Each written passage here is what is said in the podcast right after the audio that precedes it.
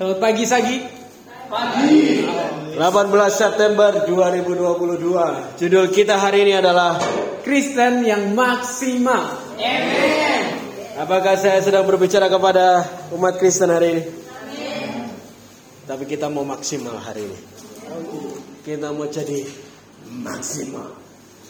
Saya mulai langsung di kisah para rasul 11 ayat 26.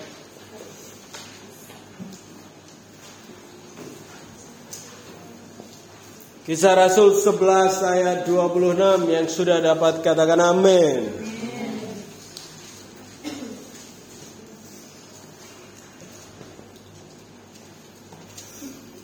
Beberapa teman-teman tipikalnya nyatet dulu baru nyari. Ada yang nyari dulu baru nyatet. Saya temukan paling efektif nyari dulu baru dicatat. Ya. Ya, kisah Rasul 11 ayat 26 begini firman Tuhan. Mereka tinggal bersama-sama dengan jemaat itu. Satu tahun lamanya sambil mengajar banyak orang di Antioquia lah murid-murid itu untuk pertama kalinya disebut Kristen. Ini cerita tentang Pak Paulus dan Pak Barnabas. Ya, mereka tinggal bersama jemaat Antioquia dan Alkitab menuliskan setahun lamanya. Dan tidak hanya tinggal gitu aja, dia mengajar dan dia melakukan banyak hal. Kedua rasul yang luar biasa dalam perkembangan jemaat Kristen pertama bagi daerah-daerah yang bukan Yahudi waktu itu. Ya, mereka berdua pergi ke Antioquia. Antioquia untuk melayani jemaat di sana Bapak Ibu Saudara.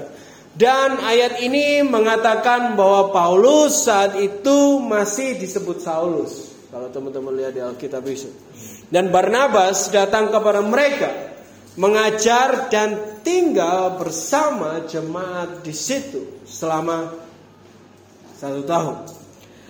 Wah ini perjalanan misi yang lumayan lama ya, satu tahun. Lihat apa yang dihasilkan dari pelayanan Paulus dan Barnabas waktu itu. Orang-orang mulai menyadari bahwa komunitas orang percaya itu punya sesuatu yang berbeda dengan orang lain di luar komunitas itu. Alkitab tidak menulis detail perbedaan itu di sini. Tetapi apa pun perbedaan mereka, dibanding dengan orang yang tidak percaya pasti sangat kuat. Sampai-sampai orang yang tidak percaya dengan mudah menyebut orang-orang percaya itu adalah Kristen. Bisa sampai sini bisa mengikuti saya? Alkitab tidak menulis hal yang detail tentang hal itu. Bisakah kita bayangkan saking kuatnya gaya hidup mereka, gitu. tanpa apa nama organisasi, ya, tanpa juga tulisan pada kaos mereka. Tanpa ada kalung yang menandakan siapa mereka. Orang lain menyadari apa yang mereka percayai dari hidup mereka sendiri. Sama seperti yang dikatakan di dalam Yakobus 2 ayat 26. Sebab seperti tubuh tanpa roh adalah mati Demikian jugalah iman tanpa perbuatan-perbuatan adalah mati. Amin. Ya, sama dengan percaya tidak dilakukan sehingga yang dipercayai tidak bahkan terlihat dari apa yang mereka lakukan. Sehingga apa yang dipercayai mati. Alias yang dia percaya itu tidak ada. Walaupun mereka ngomong mereka percaya. Ayat ini terkenal sebagai ayat dengan kata Kristen pertama kali disebutkan tadi di kisah Rasul 11:26 tadi. Ayat ini penting untuk melihat bahwa orang yang mengikuti Kristus disebut Kristen. Sekali lagi, orang yang mengikuti Kristus disebut Kristen. Semakin bertumbuh, kekristenan menjadi sebuah bentuk kepercayaan iman yang lebih besar jumlahnya dan penyebarannya ada di seluruh dunia. Perkembangan-perkembangan ini nanti kita akan belajar pada sejarah gereja setelah sejarah Alkitab kita di setiap Kamis. Siapa yang siap untuk itu? Amin. Saya nggak ke situ hari ini. Poin saya di sini adalah orang Kristen adalah mereka yang mengikuti Kristus. Karena komunitas itu sangat mudah dilihat cara hidup dari cara hidup mereka. Karena cara hidup mereka seperti Kristus, sehingga mereka orang-orang menyebut mereka Kristen, Kristian. Ya. Percaya dan melakukan memang dua hal yang berbeda. Setuju? Tetapi untuk menjadi Kristen, hal ini tidak dapat dipisahkan. Percaya, percaya aja akan mematikan. Tetapi percaya dan melakukan akan menghidupkan Kristus di dalam hidup kita. Amen. Hal yang lain dari ayat ini adalah jemaat atau orang percaya di Antioquia waktu itu disebut Kristen setelah mereka diajar dan dimuridkan oleh para rasul. Di sini khususnya oleh Paulus dan Barnabas. Dari pelayanan mereka, dari pelayanan mereka berdua, orang-orang percaya mengalami perubahan yang luar biasa dalam hidup mereka sehingga mudah disadari oleh orang yang tidak percaya siapa mereka. Dan bahkan mudah disadari oleh orang yang tidak percaya apa yang dipercayai oleh orang-orang ini. Ini adalah kesuksesan pemuritan itu. Apa itu pemuritan? Menjadikan orang hidup seperti yang kita hidupi. Jemaat Antioquia menjadi pengikut Kristus karena Paulus dan Barnabas mengikuti Kristus. Ada kepercayaan di kehidupan uh, sorry, ada kepercayaan dan kehidupan dari Paulus yang sangat besar dan kuat yang merubah orang di sekitarnya menjadi sama kayak dia. Ada kemaksimalan hidup yang kuat sekali di dalam dia yang membuat orang yang tinggal bersama dia mereka berubah seperti mereka. Kristen adalah orang yang mengikuti Kristus. Betul?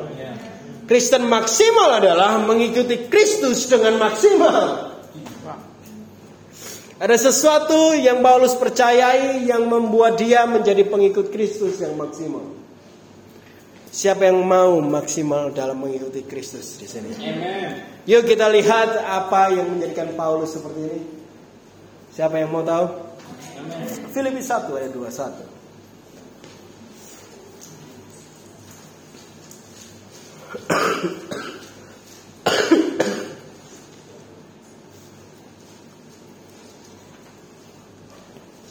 Katakan amin kalau sudah di sana. Amen. Karena bagiku hidup adalah Kristus dan mati adalah keuntungan. Oh, amin.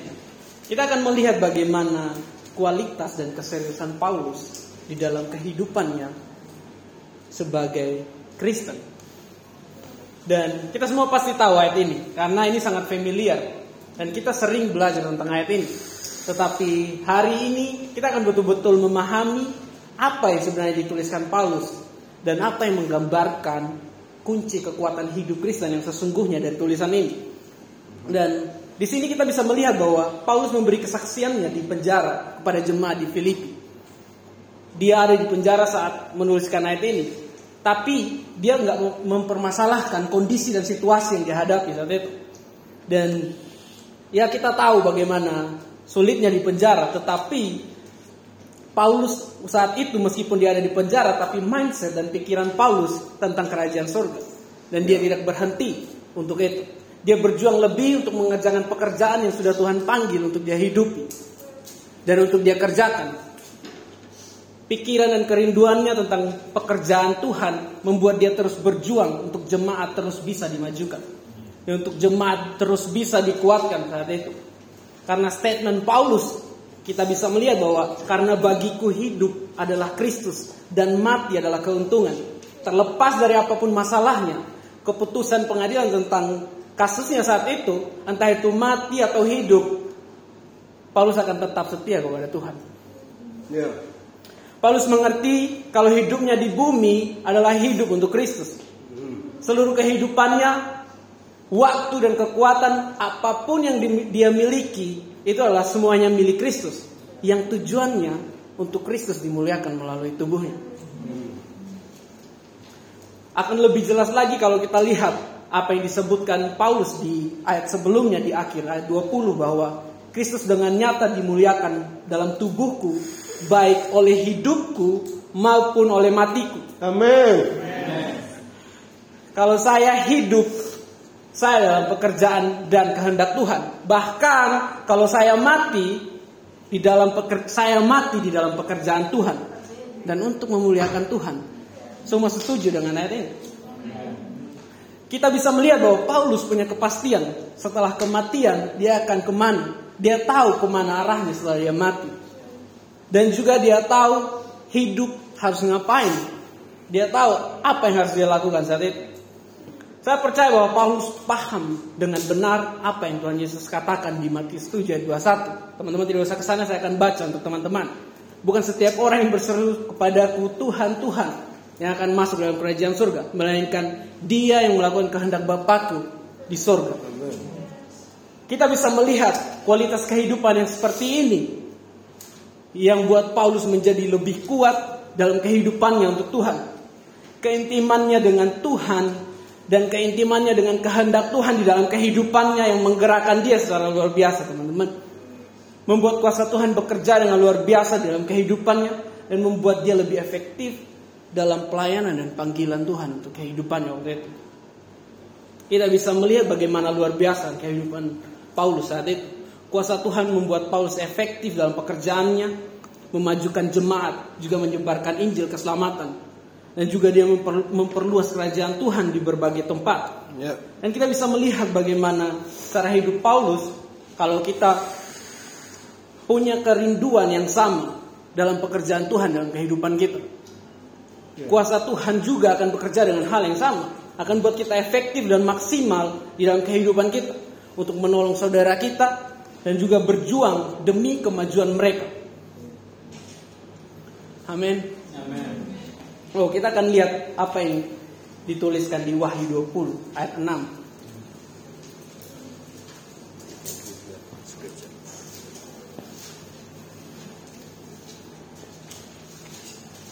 Katakan amin ketika kalian sudah di sana.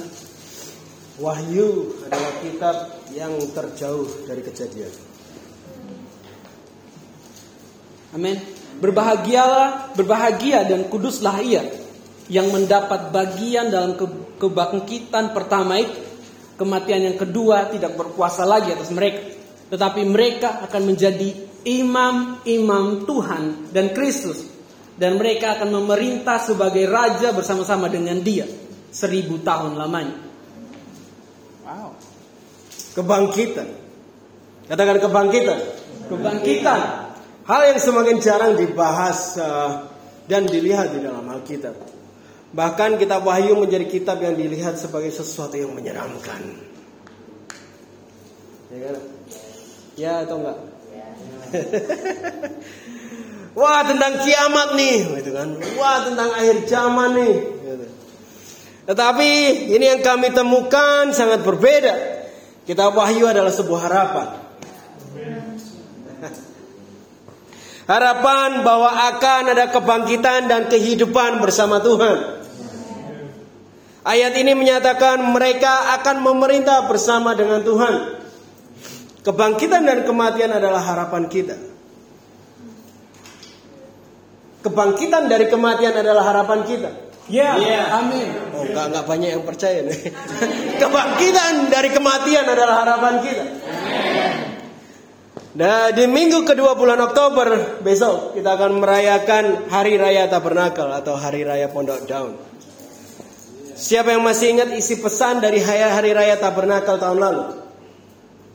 Pak Brand mencoba menjelaskan sebuah apa itu kekekalan.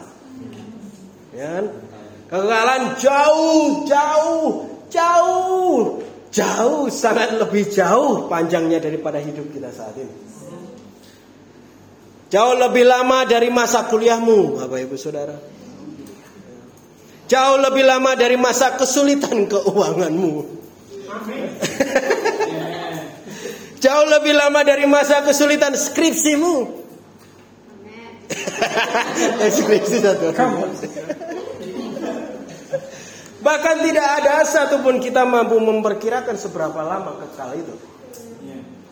Ya, kekal artinya tak berujung. Ta, dan pandangan serta harapan pada kekekalan yang akan merubah pandangan kita terhadap hidup kita saat ini. Ini bukan berarti hidup kita saat ini tidak berharga. Ya, tetapi ketika kita mulai melihat akan kebangkitan dan kekekalan itu, kamu akan mulai dapat melihat mana hal yang kekal, mana hal yang fana di dunia ini. Hal yang akan tinggal tetap atau hal yang akan hilang pada waktunya. Alkitab katakan biarlah kita mengumpulkan harta yang kekal. Ingat bahwa Kristen adalah mereka yang mengikuti Amin. Kita jalani hidup kita saat ini seperti Kristus hidup di dunia. Tetapi tujuannya adalah untuk mengikuti Kristus memimpin dunia di saat kekekalan. Bisa mengerti di situ.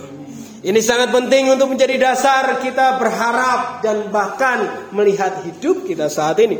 Sehingga kita dapat memperhatikan hidup kita saat ini untuk hidup kita berikutnya. Bukan hanya mengkhawatirkan hidup kita saat ini seperti tidak akan ada hidup lain berikutnya. Paulus katakan mati adalah keuntungan. Hanya orang percaya yang penuh pengharapan pada kekalan yang dapat menyatakan hal ini. Semua kekhawatiran di dunia ini berakar dari ketakutan akan kematian. Kenapa kamu takut lapar? Karena takut mati kelaparan. Kenapa orang tidak menyebarkan Injil dan bersaksi? takut mati. Dan masih banyak lagi. Kekhawatiran akan hidup saat ini berasal dari ketidakpercayaan akan hidup bersama Kristus di kekekalan. Kebangkitan dan kekekalan adalah harapan kita. Kebangkitan dan kekekalan adalah harapan kita. Kebangkitan dan kekekalan adalah harapan kita. Amen. Filipi 3 ayat 10.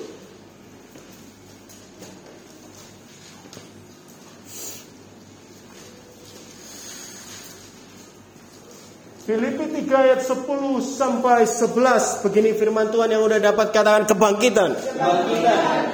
Yang ku kehendaki ialah mengenal Dia dan kuasa kebangkitannya dan persekutuan dalam penderitaannya di mana aku menjadi serupa dengan dia dalam kematiannya supaya aku akhirnya beroleh kebangkitan di antara orang mati. Amin. Saya mau mengajak teman-teman untuk bisa melihat ayat ini. Dan kita bisa melihat dan memahami betul-betul tulisan Paulus. Ada beberapa poin yang Paulus jelaskan tentang tujuan dia hidup di sini. Dan hal ini yang saya percaya bahwa di dalam generasi-generasi sekarang sedang hilang. Dan saya mau melihat bahwa kita lihat bersama-sama bahwa poin yang pertama bahwa Paulus menuliskan bahwa mengenal dia dan kuasa kebangkitan. Kemudian yang kedua adalah persekutuan dalam penderitaan. wow. Ini yang Tuhan bukakan ke saya waktu saya memiliki, memiliki waktu saya membaca ayat ini dan dia membukakan saya bahwa bagaimana kehidupan yang betul-betul maksimal di dalam Tuhan. Yang saya maksudkan adalah menjadi Kristen yang betul-betul sejati, menjadi Kristen yang sesungguhnya. Ini yang betul-betul membukakan pikiran saya tentang ketika saya melihat hal ini dan saya betul-betul terdiam waktu itu. Dan Tuhan bukakan kepada saya bahwa terkadang kita hanya berhenti pada poin yang pertama. Menjadi Kristen kita berpikir hanya untuk mengenal Tuhan aja. Mengenal kuasa kebangkitannya aja.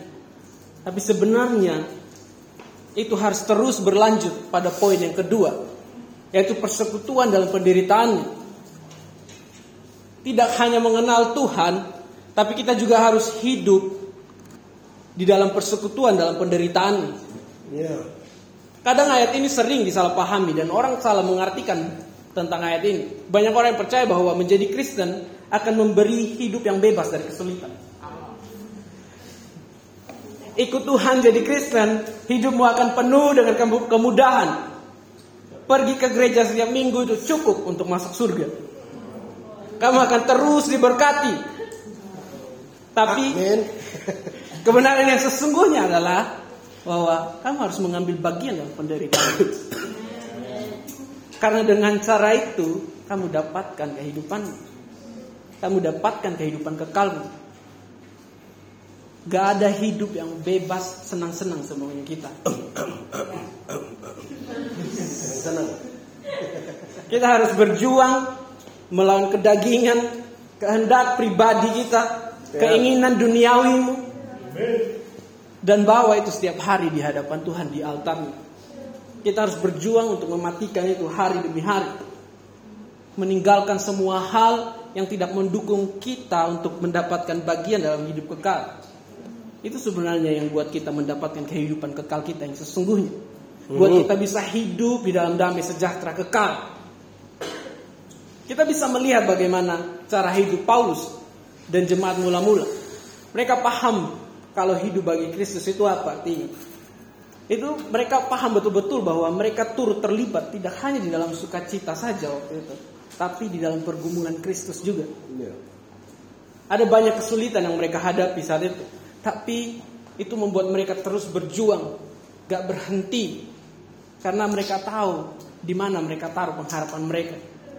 Kita tahu zaman itu sangat sulit.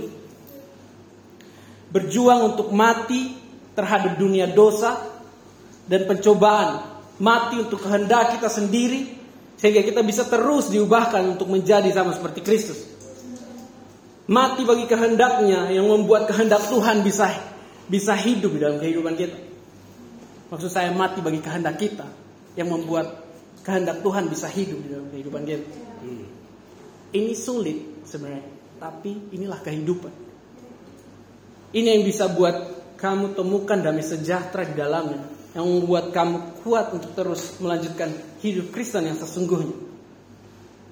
Angkat tanganmu yang mau hidup seperti ini. Amin. Amin.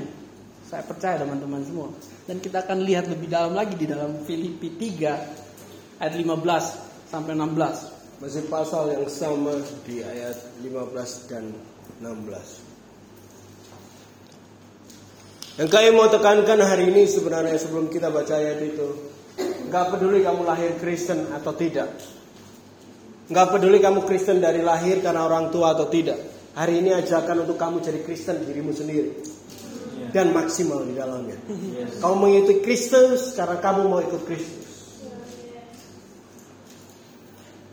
Karena itu, marilah kita yang sempurna berpikir demikian. Dan jikalau lain pikiranmu tentang salah satu hal, hal itu akan dinyatakan Tuhan juga kepadamu. Tetapi baiklah tingkat pengertian yang telah kita capai, kita lanjutkan menurut jalan yang telah kita tempuh. Coba ta- tanya kanan kirinya siap bertumbuh lebih lagi nih. Siap bertumbuh? Siap bertumbuh nih. Ini ya. Hal yang dikatakan Paulus kepada jemaat Filipi karena ada pengajaran yang juga mereka terima untuk terus melakukan hal-hal yang lahiriah sebagai ibadah mereka kepada Tuhan. Dan Paulus pun menyatakan, Paulus bukan meniadakan ibadah lahiriah itu, tetapi dia terus menerima pembaruan dari Tuhan dan terus maju ke depan berdasarkan pembaruan yang Tuhan berikan. Dia terus bertumbuh dalam kesempurnaan untuk melakukan apa yang benar pada Tuhan. Ya. Paulus katakan, ya dia juga disunat. Di hari ke-8 bahkan. Ya dia juga melakukan hal-hal sebagai ibadah fisik sebagaimana imam dan dia farisi waktu itu. Gitu.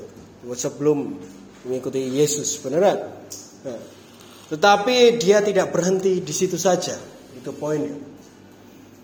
Tetapi mengikuti perubahan kebenaran yang Tuhan berikan kepada dia. Sedangkan ada kepercayaan lain dari pengajar yang lain untuk mereka terus melakukan apa yang mereka sudah lakukan itu dan tidak menerima apa yang diberikan pembaruan dan peningkatan yang Tuhan berikan kepada mereka. Sehingga Paulus menyatakan aku melupakan apa yang di belakangku dan maju ke depan. Hal-hal yang lalu yang dia sudah percayai, tapi Tuhan tambahkan aku mau yang ke depan. Perjalanan setiap kita bersama Yesus memiliki cerita masing-masing. Ya. Dari sebagian besar dari kita bermula dari kepercayaan-kepercayaan terhadap hal-hal atau kegiatan-kegiatan fisik ibadah Kristen untuk hidup benar. Seperti semakin rajin ke gereja semakin rohani. Kalau rajin berdoa dan puasa semakin rohani. Kalau ada kesulitan atau mau ujian harus doa puasa supaya ujian atau tesnya masuk. Yang ketawa-ketawa ini pernah mengalami itu ya kan? Dan banyak hal lain kegiatan fisik yang kita lakukan sebagai bentuk kebenaran yang kita lakukan. Yang pernah mengalami katakan ya. Ya. ya. Tetapi setelah itu pada masa pertumbuhan iman kita dalam Kristus, Tuhan menambahkan hal-hal baru di balik itu semua. Hal itu tidak ditiadakan, tetapi di balik itu makin dalam. Gitu. Paulus disunat secara fisik, tapi berjalannya waktu dia mendapat pemahaman dari Tuhan lebih lagi bahwa sunat hati adalah lebih penting. Paulus katakan itu di ayat lain. Maksudnya adalah bukan kegiatan secara fisik itu salah, tetapi kebenaran ditemukan semakin besar dari kegiatan-kegiatan lahiriah fisik kita saja. Dan Paulus menyinggung hal ini sebagai penguatan untuk jemaat Filipi bahwa kita harus terus maju ke depan berdasarkan pertumbuhan yang Tuhan berikan. Berdasarkan peningkatan dan peningkatan kebenaran yang Tuhan bukakan. Pedro menjelaskan bahwa uh, kepada kita bahwa saat kita mempelajari dan bertumbuh dalam pengenalan kepada Tuhan, kita mau juga bertumbuh dalam kuasa Tuhan di dalam kebangkitannya. Mungkin kita mulai perjalanan kita jadi Kristen dengan hanya berpikir dan percaya tentang berkat yang Tuhan kasih dari kehidupan lahiriah kita. Kita semua mulai dari situ. Saya pun ya. Saat ini Tuhan sedang bawa kita kepada pertumbuhan tentang berkat yang lebih dari hanya kamu lulus kuliah dan nilai terbaik. Berkat dan kebenaran yang lebih dari hanya dari kamu bisa makan setiap hari. Apa pun yang kamu temukan dalam pengenalanmu bersama Tuhan, bertumbuhlah sesuai dengan kebenaran-kebenaran yang Tuhan berikan dan yang dia berikan kepadamu setiap hari. Jadi tingkat pengertianmu yang telah kamu capai harus kamu lanjutkan bersama Tuhan. Dan ini Tuhan sedang tambahkan kepada kita hari ini. Hosea 13 ayat 14.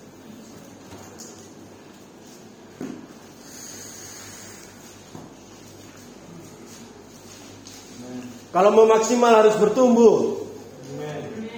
Kalau mau maksimal harus bertumbuh, amin. Dan pertumbuhan diberikan oleh Tuhan.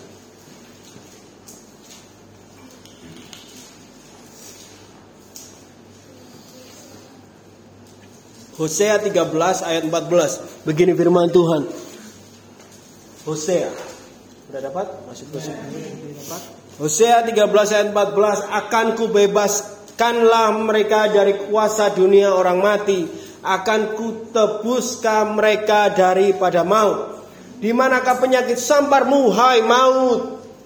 Di manakah tenaga kebinasaanmu, hai dunia orang mati? Mataku tertutup bagi belas kasihan. Wow. Ayat ini betul-betul kencang dan kita perlu untuk berinteraksi dengan ayat ini. Dan saya akan berikan konteks tentang ayat ini kepada teman-teman semua bahwa ini merupakan nubuatan Hosea waktu itu bahwa zaman ini merupakan Hosea menyampaikan nubuatannya pada zaman ini untuk orang-orang di Israel pada waktu itu.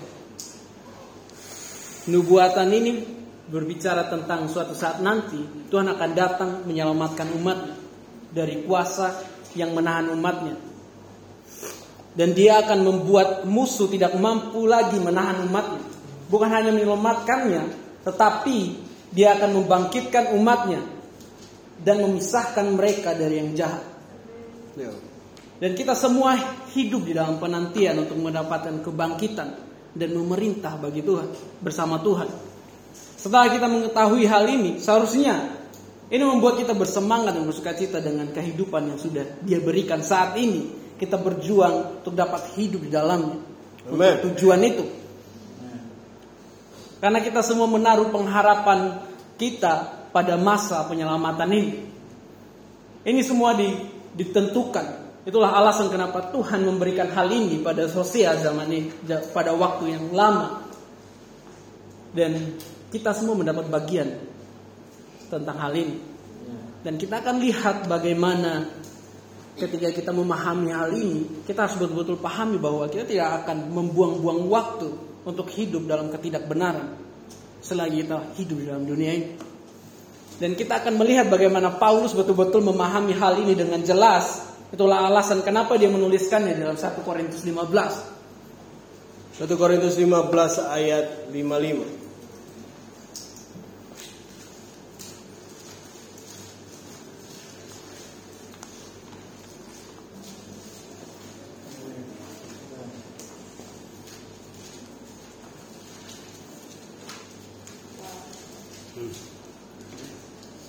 Sudah di sana? Hai maut, di manakah kemenanganmu? Hai maut, di manakah sengatmu? Hai maut, mana kau? Apa itu kuasa kebangkitan? Kuasa kebangkitan adalah kuasa yang lebih kuat dari kematian. Ya.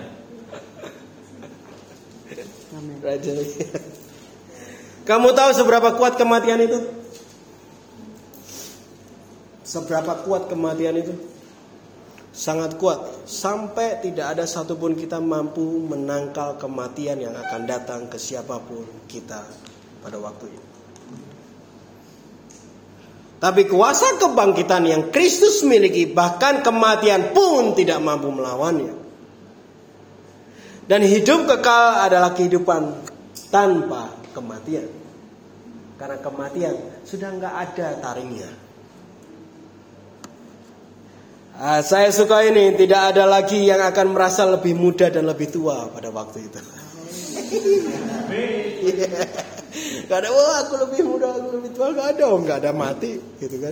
Kita seumuran terus, gitu kan? Seumuran kita. Apakah teman-teman bisa menyadari seberapa besar kuasa Tuhan dari hal ini? Kuasa kebangkitan Tuhan yang bahkan maut tidak berkutik. Yang dapat melawan kuasa kematian itu. Kuasa inilah yang menjadi pengharapan Paulus. Menjadi tujuan yang matanya tertuju terus pada hal itu. Menjadi tujuan hidup di mana dia percaya suatu saat nanti suatu saat ini akan terjadi dalam hidupnya. Kuasa kebangkitan yang membuat dia bangkit. Yang lebih kuat dari kematian itu. Itu. Dan kesadarannya akan kuasa kebangkitan Tuhan ini. Kepercayaannya akan kuasa kebangkitan Tuhan ini yang membuat Paulus menjadi pengikut Kristus yang maksimal. Kalau Kristen zaman ini hanya percaya Tuhan yang tidak akan membiarkan mereka lapar. Paulus percaya kuasa Tuhan lebih besar dari kuasa kematian. Jauh banget imannya. Kalau Kristen zaman ini hanya berkutat dengan kepercayaan Tuhan bahwa Tuhan akan membayar semua tagihan mereka. Paulus percaya kuasa kebangkitan Tuhan membebaskan dan menghidupkan. Imannya jauh banget. Kalau kita berpikir dari hanya percaya kuasa Tuhan di hidup kita saat ini, Paulus percaya tentang kuasa Tuhan untuk kekekalan bahkan. Bisa dapat perbedaannya antara kita sama Paulus. Gitu. Ini yang kami temukan kenapa Paulus begitu efektif dan maksimal dalam mengikuti Kristus Yesus Tuhan. Dia mengenal dan percaya kuasa Tuhan lebih dari apa yang kita kenal dan percayai. Kepercayaan kita hanya sebatas dengan makan dan minum dan semua hal di dunia ini. Paulus percaya dan berharap pada hal yang lebih kekal dari dunia dan hidup saat ini. Tahu gak sih, apa pun kondisimu, miskin atau kaya, kelebihan atau kekurangan, mampu atau tidak mampu, tidak sama sekali merubah kuasa kebangkitan Tuhan yang mampu membangkitkan. Berharaplah pada kuasa kebangkitan itu, maut pun tidak dapat melawan kuasa itu. Yang kami katakan adalah Paulus menjadi maksimal dalam mengikuti Kristus Yesus Tuhan dengan kepercayaan akan kebangkitan yang akan dihidupi setiap hari oleh dia. Kita akan juga maksimal mengikuti Kristus Yesus Tuhan dengan harapan dan kepercayaan dan tindakan yang sama seperti hal ini. Surabaya yang mau jadi Kristen yang maksimal. Amen. Ini yang kita perlu lakukan. Kita ke Yesaya 26 ayat 19.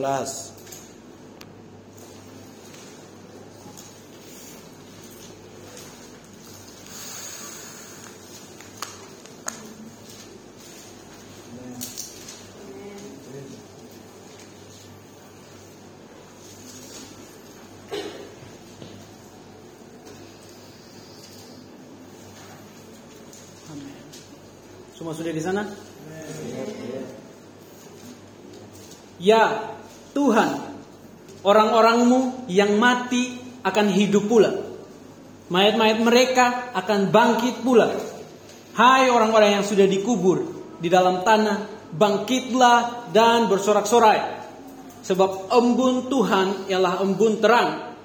Dan bumi akan melahirkan arwah kembali. Wow. Kita bisa melihat bagaimana hal yang dikatakan Yesaya di sini bahwa Yesaya menubuatkan bahwa suatu saat nanti Tuhan akan kembali dan dia akan membangkitkan kita semua.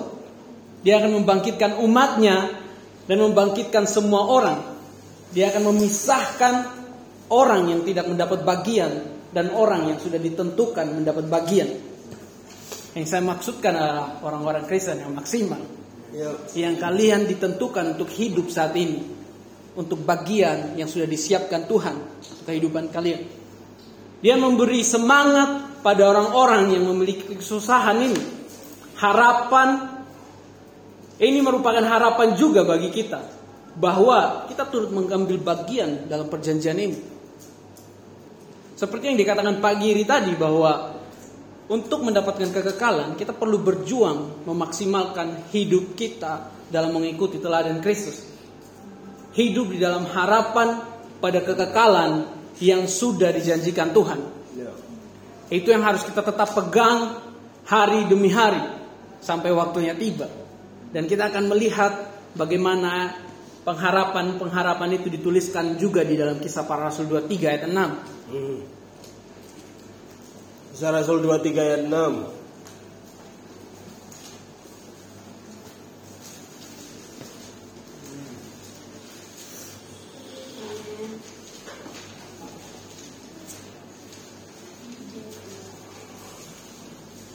Yang sudah di situ katakan amin.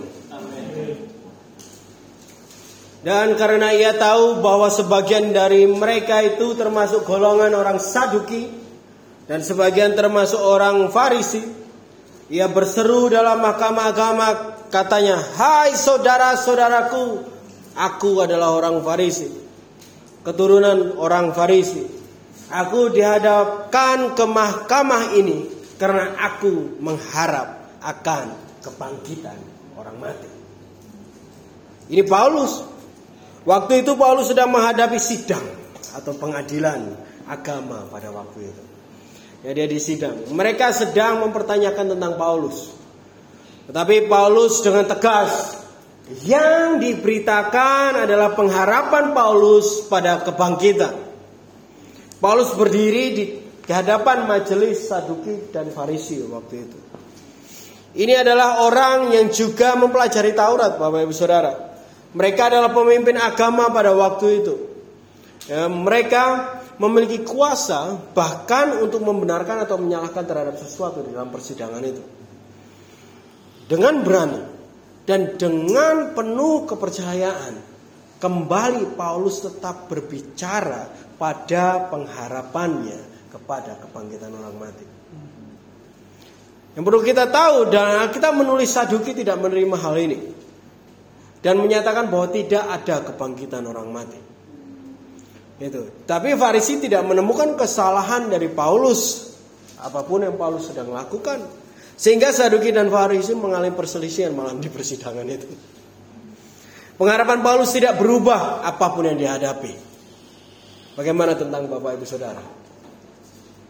Pengharapan Paulus tidak berubah apa pun yang dialami. Bagaimana dengan kita? Dia tidak tergoyahkan akan kondisi bahkan orang yang ada di harapan dia. Sebaliknya bahkan Paulus dengan berani dan percaya menyatakan pengharapan dan kepercayaannya.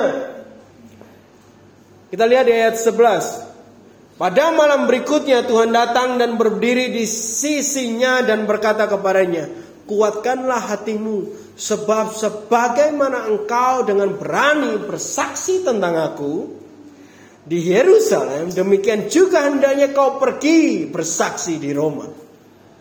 Oh. Tuhan melihat apa yang Paulus lakukan dan memberikan kepercayaan pelayanan di Roma karena bagaimana Paulus begitu berani dan percaya. Kita bisa lihat di sini juga adalah bahwa untuk berpengharapan pada kebangkitan itu adalah benar. Karena Tuhan pun memperhitungkannya. Tuhan melihat apa yang dipegang Paulus dan dipercayainya adalah benar.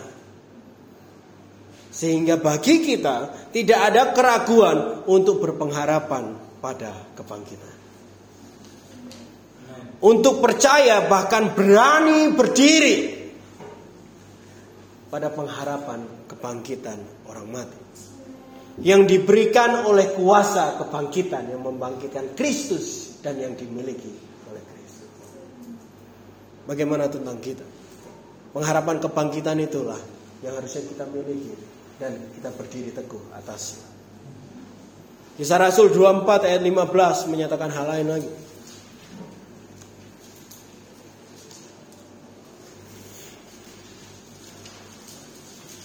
Siapa yang mau jadi seperti Paulus? kita lihat lagi apa yang diharapkan. Semua sudah di sana?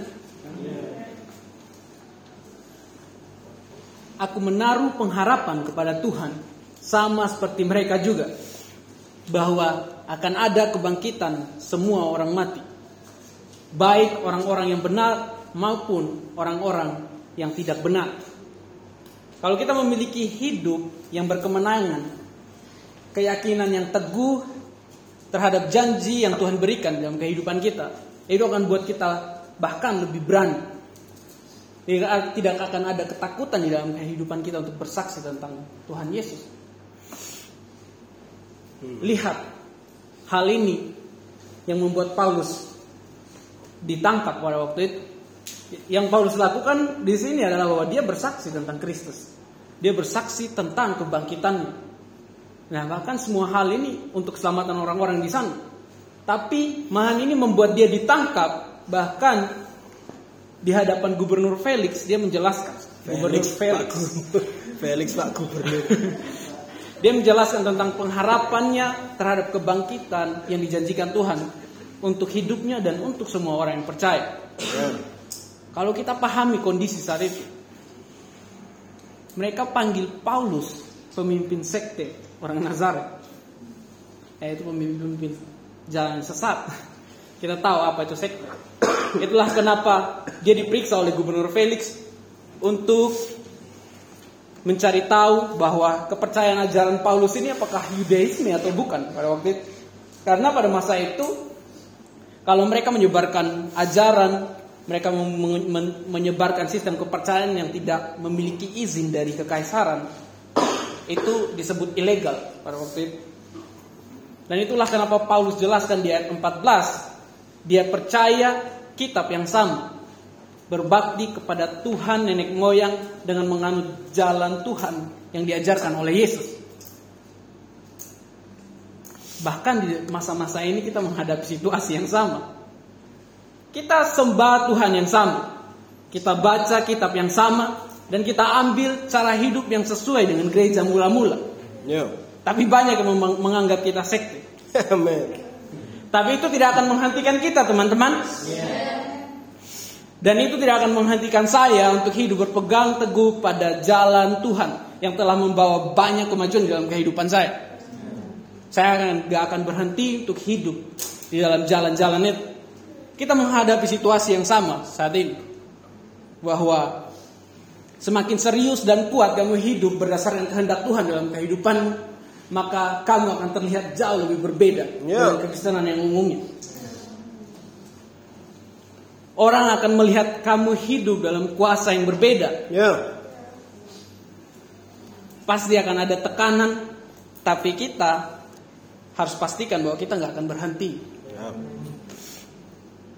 Inilah kehidupan dan cara hidup yang sesungguhnya.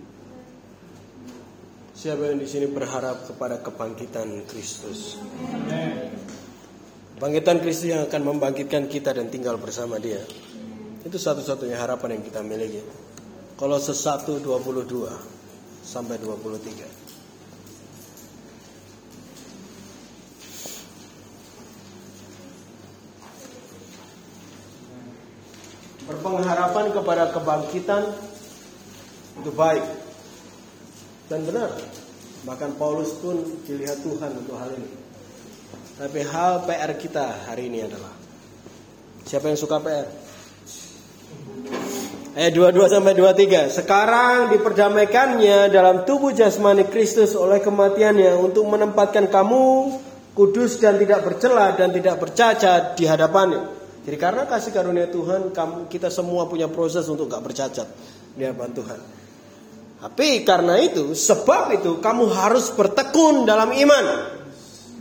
Tetap teguh dan tidak tergoncangkan. Dan jangan mau tergeser dari pengharapan Injil yang telah kamu dengar dan telah dikabarkan di seluruh alam di langit, di bawah langit. Dan aku ini Paulus telah menjadi pelayannya. Seberapa banyak yang pernah melakukan ini? Melakukan ini yang baru mau tak jelasin. Kamu tahu pada waktu tertentu kamu akan melewati ujian. Atau kompetisi tertentu atau hal yang lain yang kamu tahu akan ada kesulitan. Tapi sebelum waktu itu datang, kamu mempersiapkan diri dengan maksimal. Siapa yang pernah lakukan ini? Dulu setiap kali saya ada jadwal rekaman, teman-teman. Seminggu sebelumnya, minimal seminggu sebelumnya saya mulai mempersiapkan diri. Jadi kalau hanya rekaman satu lagu, biasanya persiapan satu dua minggu aja. Tapi kalau rekaman satu album, mempersiapkannya bisa 3 sampai 6 bulan. Persiapan apa yang saya lakukan? Persiapan kondisi saya. Karena saya tahu saya akan kondisi saya akan mempengaruhi hasil yang saya akan uh, berikan. Salah satunya performa nafas ya, sehingga saya jogging setiap hari. Kondisi pita suaranya, uh, tenggorokan saya sehingga saya nggak makan ini hal yang gorengan-gorengan. Padahal itu kayak surga bagi saya. Dan dan juga penguasaan materi dan lagu. Saya menjaga semua itu, mengkondisikan semuanya itu untuk pada akhirnya pada waktu untuk menghasilkan sesuatu jadi saya maksimal menghasilkannya. Saya percaya ini juga terjadi pada hidup Bapak Ibu Saudara semua. Saat mau ujian semester kalian belajar dan persiapan. Ujian skripsi kalian belajar dan persiapan ya kan. Royal dalam seminggu uh, dalam minggu depan kami resmi meluncurkan produk lain baru ya kami harus persiapan banyak minggu kemarin. Tapi bahayanya adalah persiapan yang sering kita lakukan di hidup kita ini lebih sering mempersiapkan lebih sering persiapan yang terjadi pada waktu hari ujian itu sudah dekat.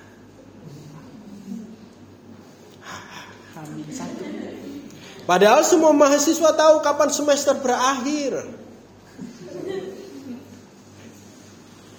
Tetapi tidak melihat hal itu menjadi yang penting waktu dua bulan semester awal.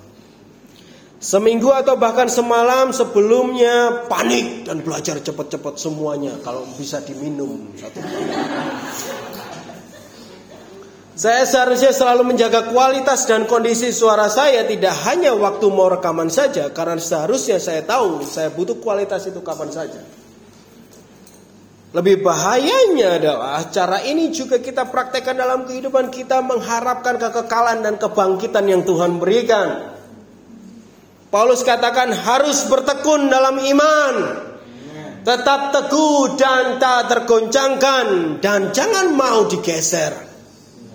Mengetahui dan mengenali kebangkitan Tuhan harus menghasilkan hidup yang semakin memperhatikan bagaimana kita bertindak dan hidup saat ini. Ingat bahwa persiapan mepet bukan tujuannya.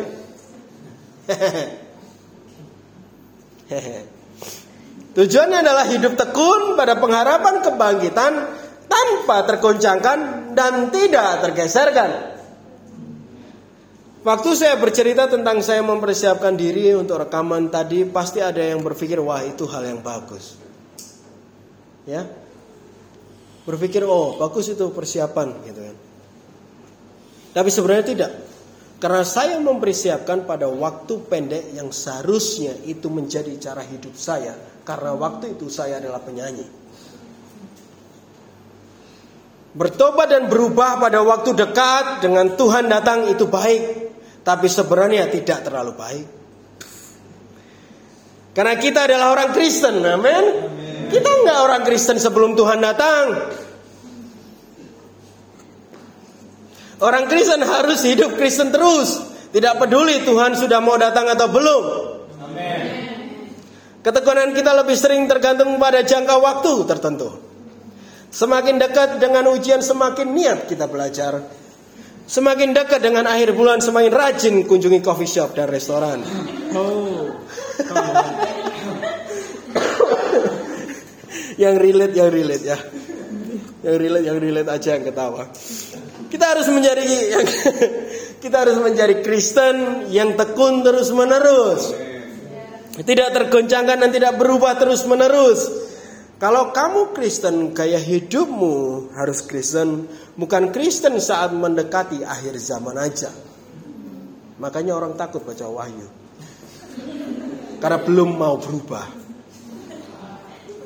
Saya mau menjadi tekun. Siapa yang mau melakukan ini bersama saya? Karena kita dari sin, sejak lahir udah Kristen. Dan sekarang kita udah Kristen. Hiduplah kayak orang Kristen. Mau Tuhan datang semakin dekat atau enggak.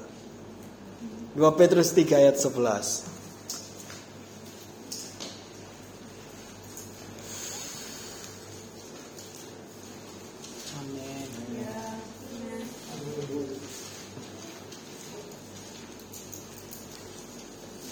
Semua dari sana? Jadi, jika segala sesuatu ini akan hancur secara demikian, betapa suci dan salehnya kamu harus hidup. Yaitu kamu yang menantikan dan mempercepat kedatangan hari Tuhan. Pada hari itu, langit akan binasa dan api dalam api dan unsur-unsur dunia akan hancur karena nyalanya. Tetapi sesuai dengan janjinya, kita menantikan langit yang baru dan bumi yang baru di mana terdapat kebenaran. Oh, bertahan pada pengharapan masa depan atau kebangkitan. Teman-teman mengejar dan menginginkan janji dan bagian juga kekekalan.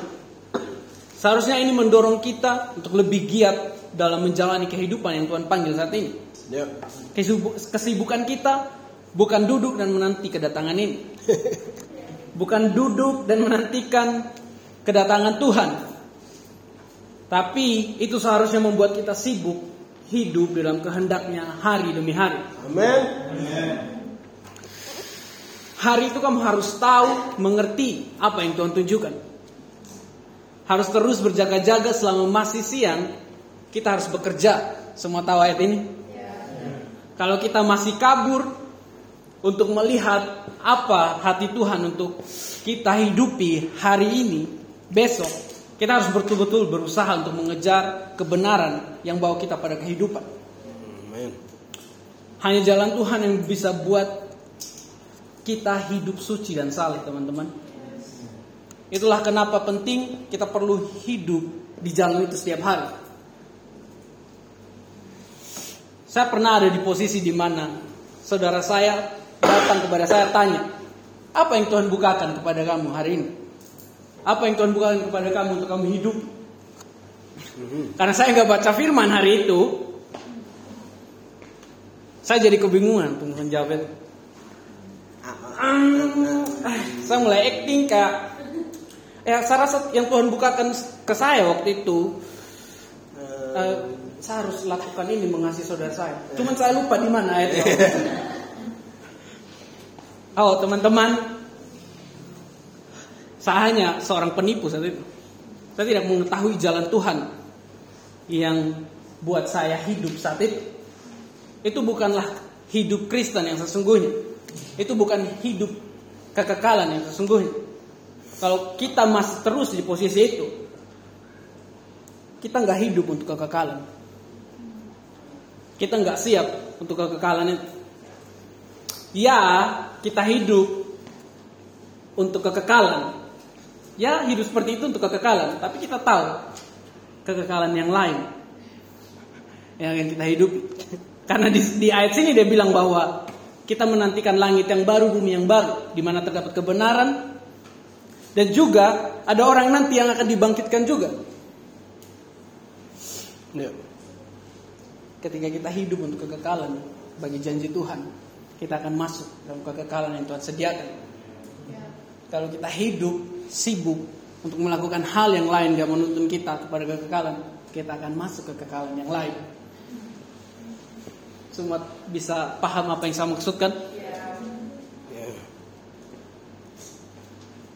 Ya. Tapi yang kita maksudkan adalah hari ini bahwa kita mau untuk semua orang di tempat ini, kita mau menguatkan setiap orang di tempat ini, untuk kita bisa set up hidup kita sekarang untuk untuk ready, siap kapan pun dia datang. Betapa suci dan salehnya kamu harus hidup. Ini sama dengan betapa kudus dan serupa dengan Kristus lah harus kita hidup. Itu setiap hari. Berharap ada kebangkitan itu baik, tapi pengharapan itu yang harusnya merubah cara hidup kita hari ini. Ada yang mau seperti itu? Ada permulaan untuk hidup seperti itu. Titik mula dan kuncinya untuk hidup benar-benar seperti itu. Kita ke Roma 6.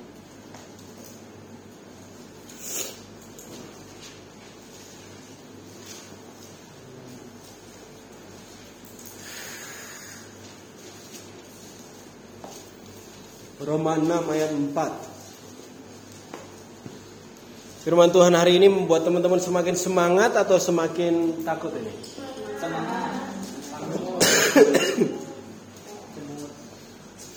Roma 6 ayat 4. Dengan demikian kita harus eh, dengan demikian kita telah dikubur bersama-sama dengan Dia oleh baptisan dalam kematian supaya sama seperti Kristus telah dibangkitkan dari antara orang mati oleh kemuliaan Bapa.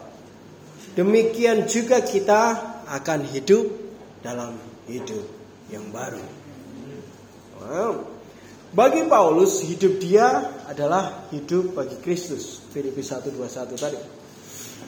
Untuk hidup kita menjadi hidup Kristus perlu mengalami hidup baru. Minggu lalu kita berbicara tentang mengalami kasih Tuhan, betul? Dan salah satu bagiannya adalah mengalami Tuhan membantu kita dalam pengenalan dan perubahan hidup kita seturut dengan siapa Dia. Dan di sini Paulus menyampaikan tentang bagaimana kita harus mengalami Kristus untuk memiliki hidup baru seperti Kristus itu sendiri. Bagian dari Kristus yang mana yang harus kita alami di sini?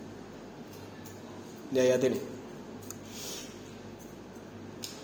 Kita harus mengalami kematian dan kebangkitannya.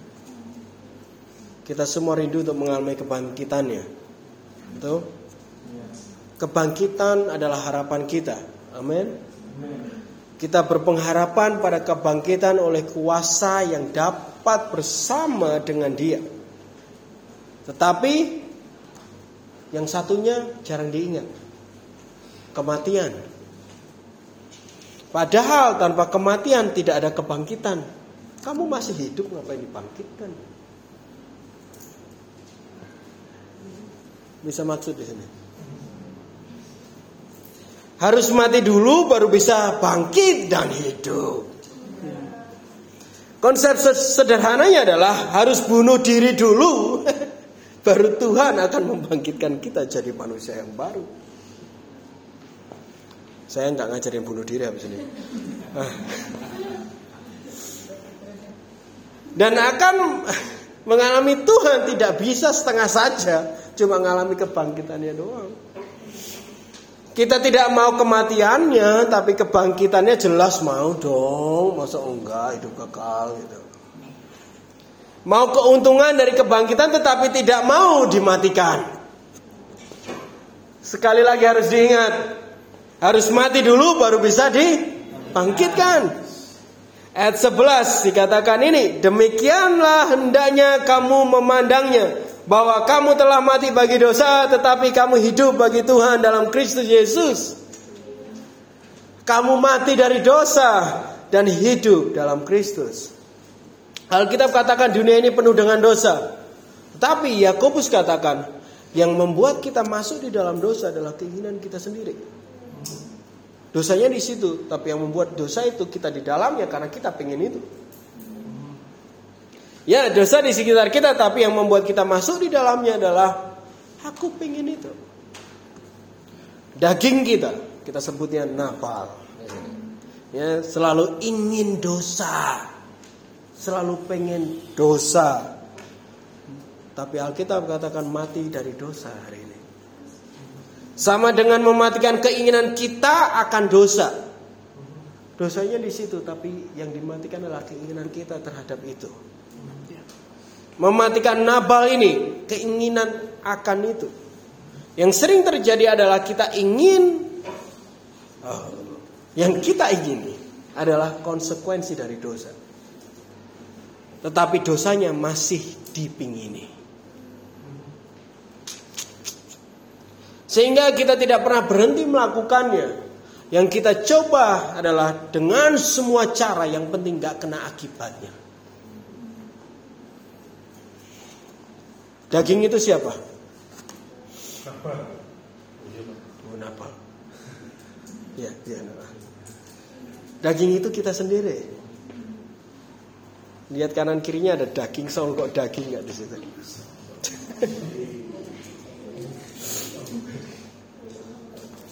Yang ingini dosa siapa? Kita ini.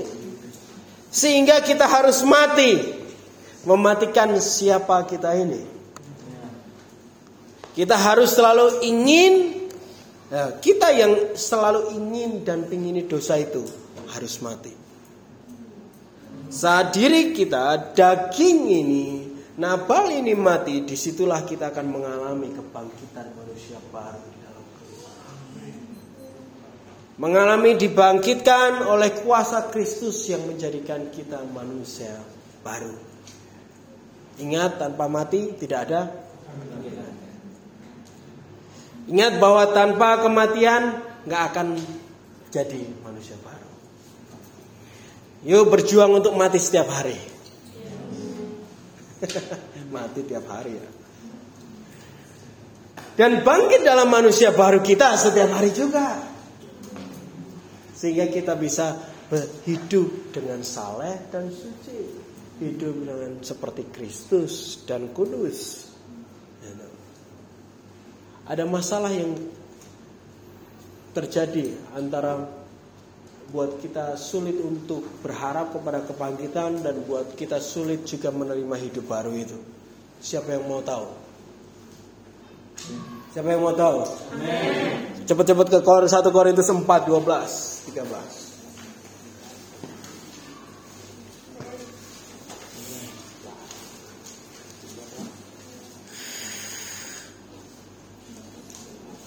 1 Korintus 4 ayat 12 dan 13.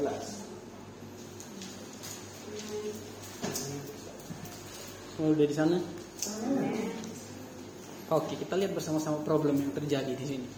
Kami melakukan pekerjaan tangan yang berat. Kalau kami dimaki, kami memberkati. Kalau kami dianiaya, kami sabar. Kalau kami difitnah, kami tetap menjawab dengan ramah. Kami telah menjadi sama dengan sampah dunia. Sama dengan kotoran dari segala sesuatu sampai pada saat ini. Perhatikan baik-baik dengan jelas masalah yang mereka hadapi saat ini. Semakin kamu hidup untuk Tuhan, maksud saya semakin kamu hidup menjadi the real Christian. Kamu harus tahu bahwa akan ada orang yang bakal nggak suka dengan kehidupan. Dan pastinya kita tahu dari mana itu datang. Itu datang dari kuasa dosa. Dia benci pada orang yang akan diselamatkan. Dan juga akan ada orang yang menjaga agar tidak mau dihina, tapi minta dihormati. Semua orang harus menghargai dia dan menghormati dia. Ini fakta yang kita lihat. Berjuang untuk mendapatkan kehormatan dengan menjadi kaya agar dihormati orang. Mereka nggak bisa hidup rendah hati karena takut dicaci maki, dianiaya, takut dilihat sebagai sampah dunia. Banyak yang melihat kekristenan dengan berkat tapi tidak melihat ayat ini dengan jelas bahwa dampaknya bagaimana mereka harus hidup. Tapi saya percaya bahwa kita di sini melihat hal yang berbeda. Ya. Kita tidak seperti itu. Oh sudahlah Ferdi, nggak perlu terlalu rohani dalam hidupmu, nggak perlu terlalu ngomong banyak tentang Yesus. Di tengah temanmu, kamu bahkan kadang dikucilkan karena kehidupanmu berbeda dengan yang lain. Nggak perlulah ngomong firman Tuhan setiap hari.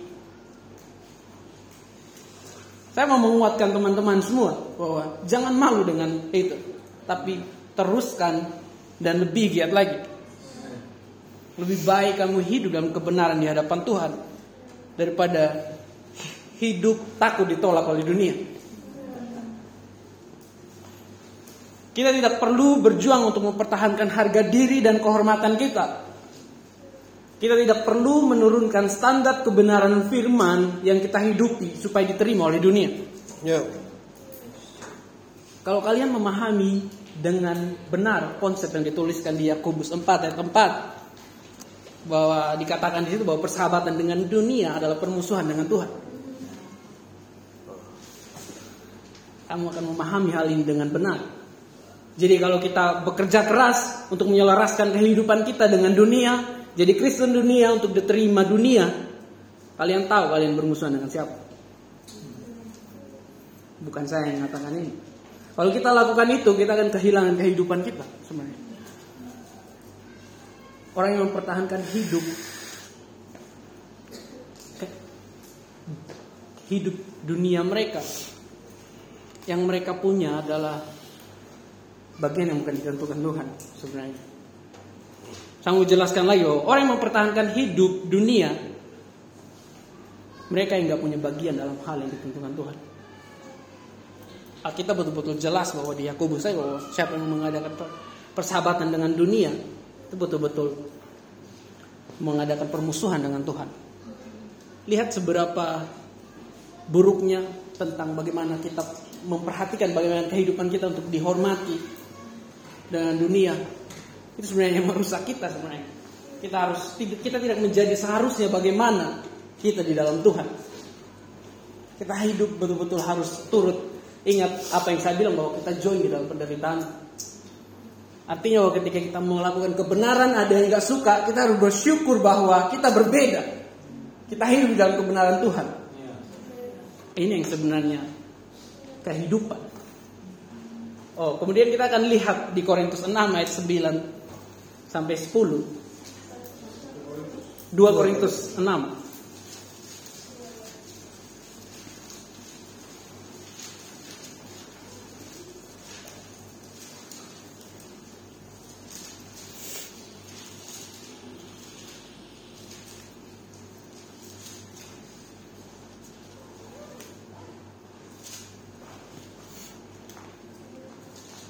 2 Korintus 6 ayat 9 sampai 10. Sebagai orang yang tidak dikenal namun terkenal. Sebagai orang yang nyaris mati dan sungguh kami hidup sebagai orang yang dihajar. Namun tidak mati. Ayat 10 sebagai orang berduka cita namun senantiasa bersuka cita sebagai orang miskin namun memperkaya banyak orang sebagai orang tak berpemilik sekalipun kami memiliki segala sesuatu. Uh, Petrus, Petrus, ya Petrus, Petrus, membantu kita untuk melihat problem utama adalah harga diri kita yang kita pengen jaga di dalam penerimaan akan dunia ini. Itu sebenarnya adalah halangan kita untuk mengalami Kristus sesungguhnya. Karena harga itu padahal yang harusnya mati. Karena yang hidup adalah harusnya Kristus. Yang penghalang yang lain adalah Paulus menyatakan hal ini sebagai mewakili semua pekerja Tuhan dan rasul bersama dia waktu itu. Ada hal yang menjadi gaya hidup mereka yang kuat berdasarkan kepercayaan mereka terhadap kuasa kebangkitan Tuhan. Karena mereka hidup untuk Kristus dan berpengharapan pada kebangkitan, pada kekekalan, membentuk gaya hidup mereka menjadi gaya hidup tertentu. Dan Paulus menyinggung sedikit hal ini dalam keseluruhan perikop itu kalau teman-teman nanti baca sendiri. Ini bagian yang paling berdampak ke kami.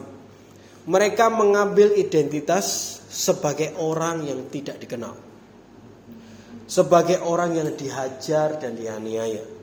Orang yang berduka cita, bahasa lainnya sedih. Orang yang miskin orang yang tidak punya apa-apa. Ini kebalikan dari apa yang saat ini terjadi dalam orang Kristen. Orang Kristen atau bahkan hamba Tuhan mau jadi orang yang paling terkenal. Orang yang tidak mau atau menghindari penganiayaan. Mencari kebahagiaan, mengejar kekayaan, menimbun kepunyaan dan kepemilikan. Catatan bahwa untuk dikenal atau tidak mengalami penderitaan atau tidak diajar, bahagia dan kaya atau punya sesuatu tidak salah. Tetapi yang salah kalau itu menjadi fokus dan apa yang kita kejar. Itu yang menghambat kita. Poin dari Paulus adalah bukan sesuatu yang salah, tetapi bagaimana mereka menganggap diri mereka seperti itu, itu yang keliru. Bukan sesuatunya itu yang keliru. Karena mereka fokus menghadap Kristus dan kebangkitan bersama Kristus. Apa pun yang dianggap orang dan dilihat orang kondisi mereka saat itu tidak masalah. Pengharapan kepada kebangkitan dan kekalahan merubah bagaimana mereka menilai dan menganggap mereka sendiri.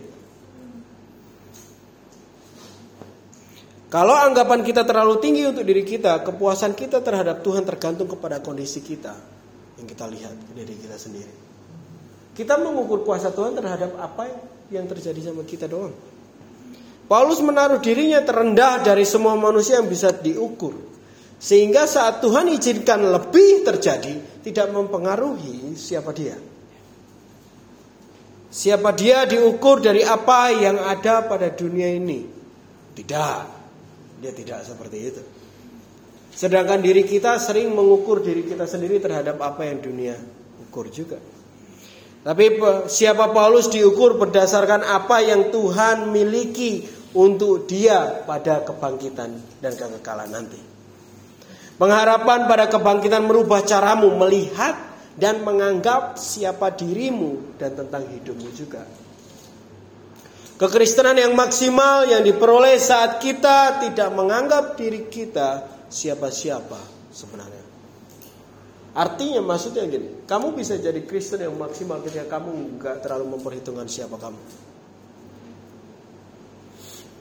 Tuhan nggak menghitungkan siapa dia, dia ngambil rupa hamba dan datang ke dunia.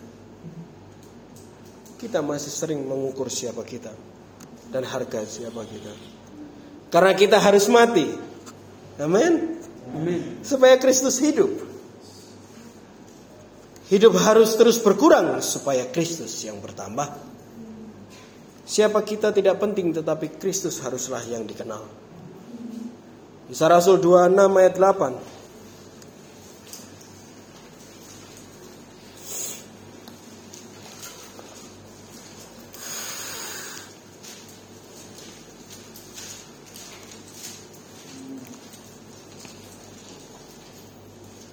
Kita akan lihat masalah yang selanjutnya di pasal ini. Semua sudah di pasal 26 yang akan baca di ayat 8. Mengapa kamu menganggap mustahil bahwa Tuhan mem membangkitkan orang mati? Lihat problem yang di sini bahwa ada orang yang tidak percaya bahwa ada kebangkitan dan bahkan mereka nggak nerima masalah yang terjadi di sini bahwa ada sekelompok orang yang tidak percaya dan tidak menerima bahwa Tuhan akan membangkitkan orang mati. Mereka sulit menerima kebenaran itu dan bahkan berusaha untuk menjatuhkan Paulus dan menuduh Paulus. Saya teman-teman tahu siapa orang-orang ini? Kita bisa lihat bahwa mereka ini pemimpin Yahudi. Mereka belajar tentang firman Tuhan. Namun mereka lupa untuk melakukannya. Padahal yang mereka baca kitab yang sama dengan yang Paulus baca. Tapi mereka nggak paham dan melewatkan poin keselamatan yang telah dinubuatkan untuk kehidupan mereka. Untuk semua orang. Kita bisa lihat mereka belajar tentang Yesaya. Mereka baca Hosea. Tapi mereka melewatkan poin, mereka miss, po, miss out dengan poin tentang keselamatan bahwa mereka akan dibangkitkan juga. Mereka menolak untuk percaya kebenaran yang dapat menyatukan mereka dalam keselamatan. Mereka takut kedudukan mereka dan citra mereka terganggu. Ya karena mereka takut orang-orang berbalik dan lebih percaya Paulus dan gak ada yang mengikuti mereka lagi saat. Mereka takut bahwa banyak orang yang percaya terhadap pengajaran-pengajaran Paulus dan meninggalkan mereka. Lihat bagaimana ego mereka memudahkan mereka. Mereka menghalangi orang lain untuk menerima keselamatan juga pada waktu itu. Betapa buruknya hal ini. Bahkan ada perselisihan antara mereka sendiri dalam menerima kesaksian Paulus. Beberapa ada yang percaya pada waktu itu, ada yang nggak percaya membuat mereka berselisih dan memfitnah Paulus. Nah, bahkan mereka mau menghukum Paulus. Yang seharusnya mereka lihat adalah bahwa kebenaran, namun mereka memilih untuk berselisih dan tidak mau menerima hidup itu. Karena kita lihat tadi bahwa takut kehilangan pamor, jabatan, membuat mereka buta, bahkan memperdebatkan kebenaran yang seharusnya mereka terima. Yeah. Lihat ketika kita menaruh perhatian kita dan fokus kita untuk karir, kedudukan, kejayaan diri kita. Itu akan membuat kita sulit untuk melihat kebenaran dan harapan pada kekekalan itu. Tuhan mendesain kita memberikan kita kehidupan yang baru yang seharusnya kita teruskan tapi kita fokus ke hal yang lain membutakan kita juga teman-teman. Yeah. Tapi saya percaya setiap orang di tempat ini melihat harapan yang sama harapan yang Tuhan berikan. Dan setiap orang di tempat ini berjuang untuk mendapatkan harapan itu. Kita belajar dari problem semua ini. Untuk kita nggak peduli tentang harga diri kita, kedudukan kita di dunia ini. Kita buang semuanya. Tapi kita biarkan kehendak Kristus dan rencana Kristus yang boleh bekerja dalam kehidupan kita. Semua yang ada di dunia ini seakan-akan men-setting kita untuk kita mempertahankan hidup kita mempertahankan siapa kita dan mempertahankan uh, image kita atau you know, nama baik kita. Dan bahkan di dalam kekristenan kadang terpenjara dengan pemahaman bahwa kita harus jadi terang. Kita harus jaga image. Jaga image dengan mudah dengan kamu hidup benar. Tidak kamu buat-buat. Sehingga kamu tidak terpenjara pada kekristenan yang munafik. Bahkan sosial media kita didesain untuk kamu bisa tampil lebih cantik daripada kamu sebenarnya. Karena karena itu yang dunia inginkan. Saya nggak salah yang membuat program karena mereka cuma mau bisnis aja supaya orang pakai program mereka lebih banyak. Tapi itu yang kenyataannya dunia terjadi. Ada beberapa waktu lalu ya penipuan binomo itu semua.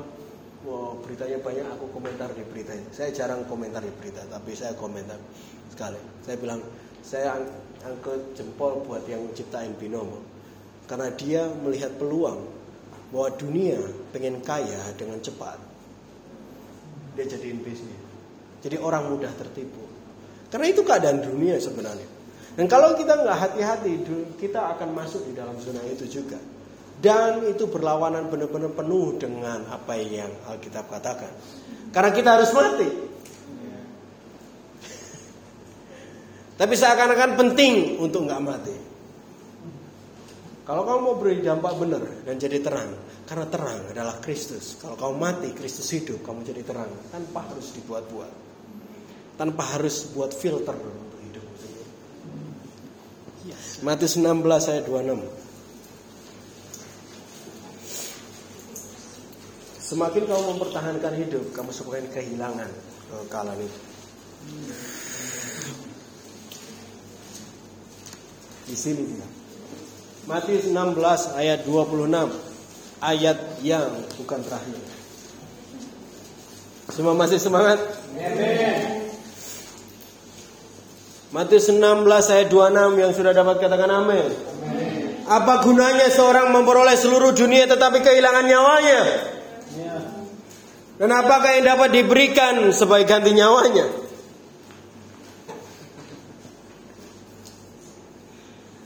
Ayat ini cukup jelas untuk menyatakan kepada kita bahwa dunia ini tidak akan membantu kita di dalam kehidupan kekal. Dikatakan apa gunanya memperoleh semua dunia ini tapi kehilangan hidup kekal. Apakah kita percaya hal ini? Lebih sering kita mengkhawatirkan dunia ini ketimbang fokus menjaga kehidupan yang kita miliki dalam kebangkitan dan kekekalan. Lebih menjaga kepunyaan kita daripada nyawa kita sendiri. Pilih punya segalanya tapi tidak ada hidup di dalam kita. Oh.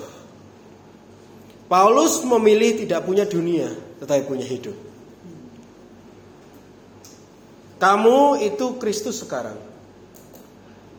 Kamu ikut Kristus memerintah juga akan dikekekalan. Kalau kamu ikut dunia sekarang, kamu juga akan ikut dunia dihancurkan pada waktu Yesus Kristus datang. Mana yang kamu mau ikuti?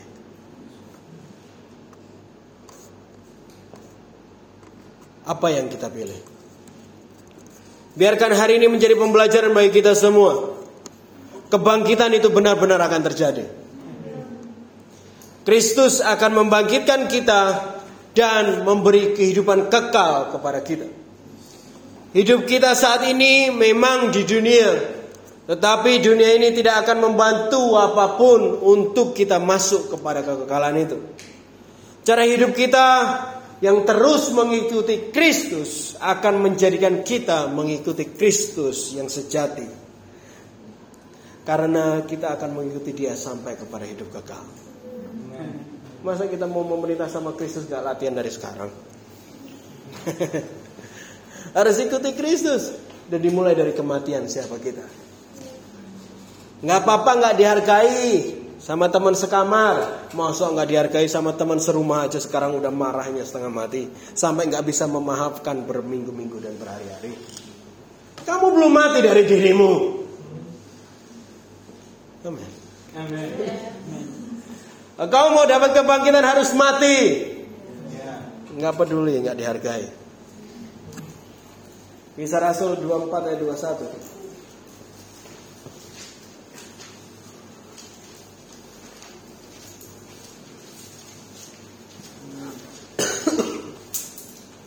Semua sudah di sana? Kisah Rasul 24 ayat 21. Demikianlah firman Tuhan. Atau mungkinkah karena satu-satunya perkataan yang aku serukan ketika aku berdiri di tengah-tengah mereka, yakni karena hal kebangkitan orang-orang mati, aku hari ini dihadapkan kepada kamu. Kita bisa lihat dari tulisan ini bagaimana luar biasa kuasa Tuhan menggerakkan Paulus untuk semua orang bisa melihat kebenaran. Tidak ada tidak ada sama sekali perkataan lain selain bersaksi tentang dia dan karya keselamatan Tuhan di dalam kehidupan. Kita bisa melihat bagaimana satu-satunya yang diberitakan karena itu adalah satu-satunya yang diharapkan juga. Mhm. Lihat bagaimana Paulus berani dan berapi-api mengerjakan panggilan karena dia mengalami dan memahami dengan benar karya penyelamatan Tuhan Yesus yang dia miliki. Kepastian akan pengharapan kebangkitan itu. Dan kita pun harus memiliki hal yang sama dalam kehidupan kita. Ya. Lihat bagaimana kehidupannya dan pekerjaannya dalam memajukan Injil. Paulus sukses. Dan itulah kenapa cara hidup ini dituliskan dan diwariskan ke kita sampai saat ini. Saya mengundang kita semua untuk ambil keseriusan dalam hidup untuk efektif dan maksimal. Dan kita harus sadar bahwa sekarang Tuhan sedang membawa kita ke arah sana. Tuhan membawa kita semua di tempat ini dan sedang memimpin kita untuk membawa kita kepada perubahan hari demi hari sampai pada hari kita dibangkitkan. Kita semua berharap kepada kebangkitan itu. Atau ada yang tidak? Kebangkitan adalah apa yang kita rindukan. Tapi itu semua bermulai dari kematian yang kita lakukan hari ini. Semakin kita mati, semakin kita hidup. Ini menariknya. Bahwa kamu semakin mati, semakin hidup. Kalau kamu semakin sering mati, kamu akan semakin sering hidup. Jadi pastikan bahwa kita akan mati setiap hari untuk hidup setiap hari. Mati di diri kita supaya Kristus yang hidup. Dan kebangkitan sebagai kekristenan yang maksimal diperoleh ketika kita mati maksimal. Supaya kita dibangkitkan dalam kemaksimal. Dan itu dialami oleh orang yang percaya akan kebangkitan itu ada. Dan bahwa Kristus akan membangkitkan kita semua dan kita bersama dia. Dan taruh hal itu. Hal ini datang ke saya waktu Pastor Erik sharingkan tentang kebangkitan itu. Injil yang sesungguhnya adalah tentang kebangkitan dari kematian. Dan satu-satunya harapan adalah harapan kepada Injil yang menguatkan kita jadi Kristen yang maksimal. Kristen yang maksimal adalah pengikut Kristus yang maksimal. Mengikuti Kristus secara sepenuhnya. Dan dibutuhkan kematian diri kita untuk hal itu. Sudah banyak yang mau mati bersama saya hari ini. Supaya Kristus yang bangkit. Mari kita bangkit berdiri.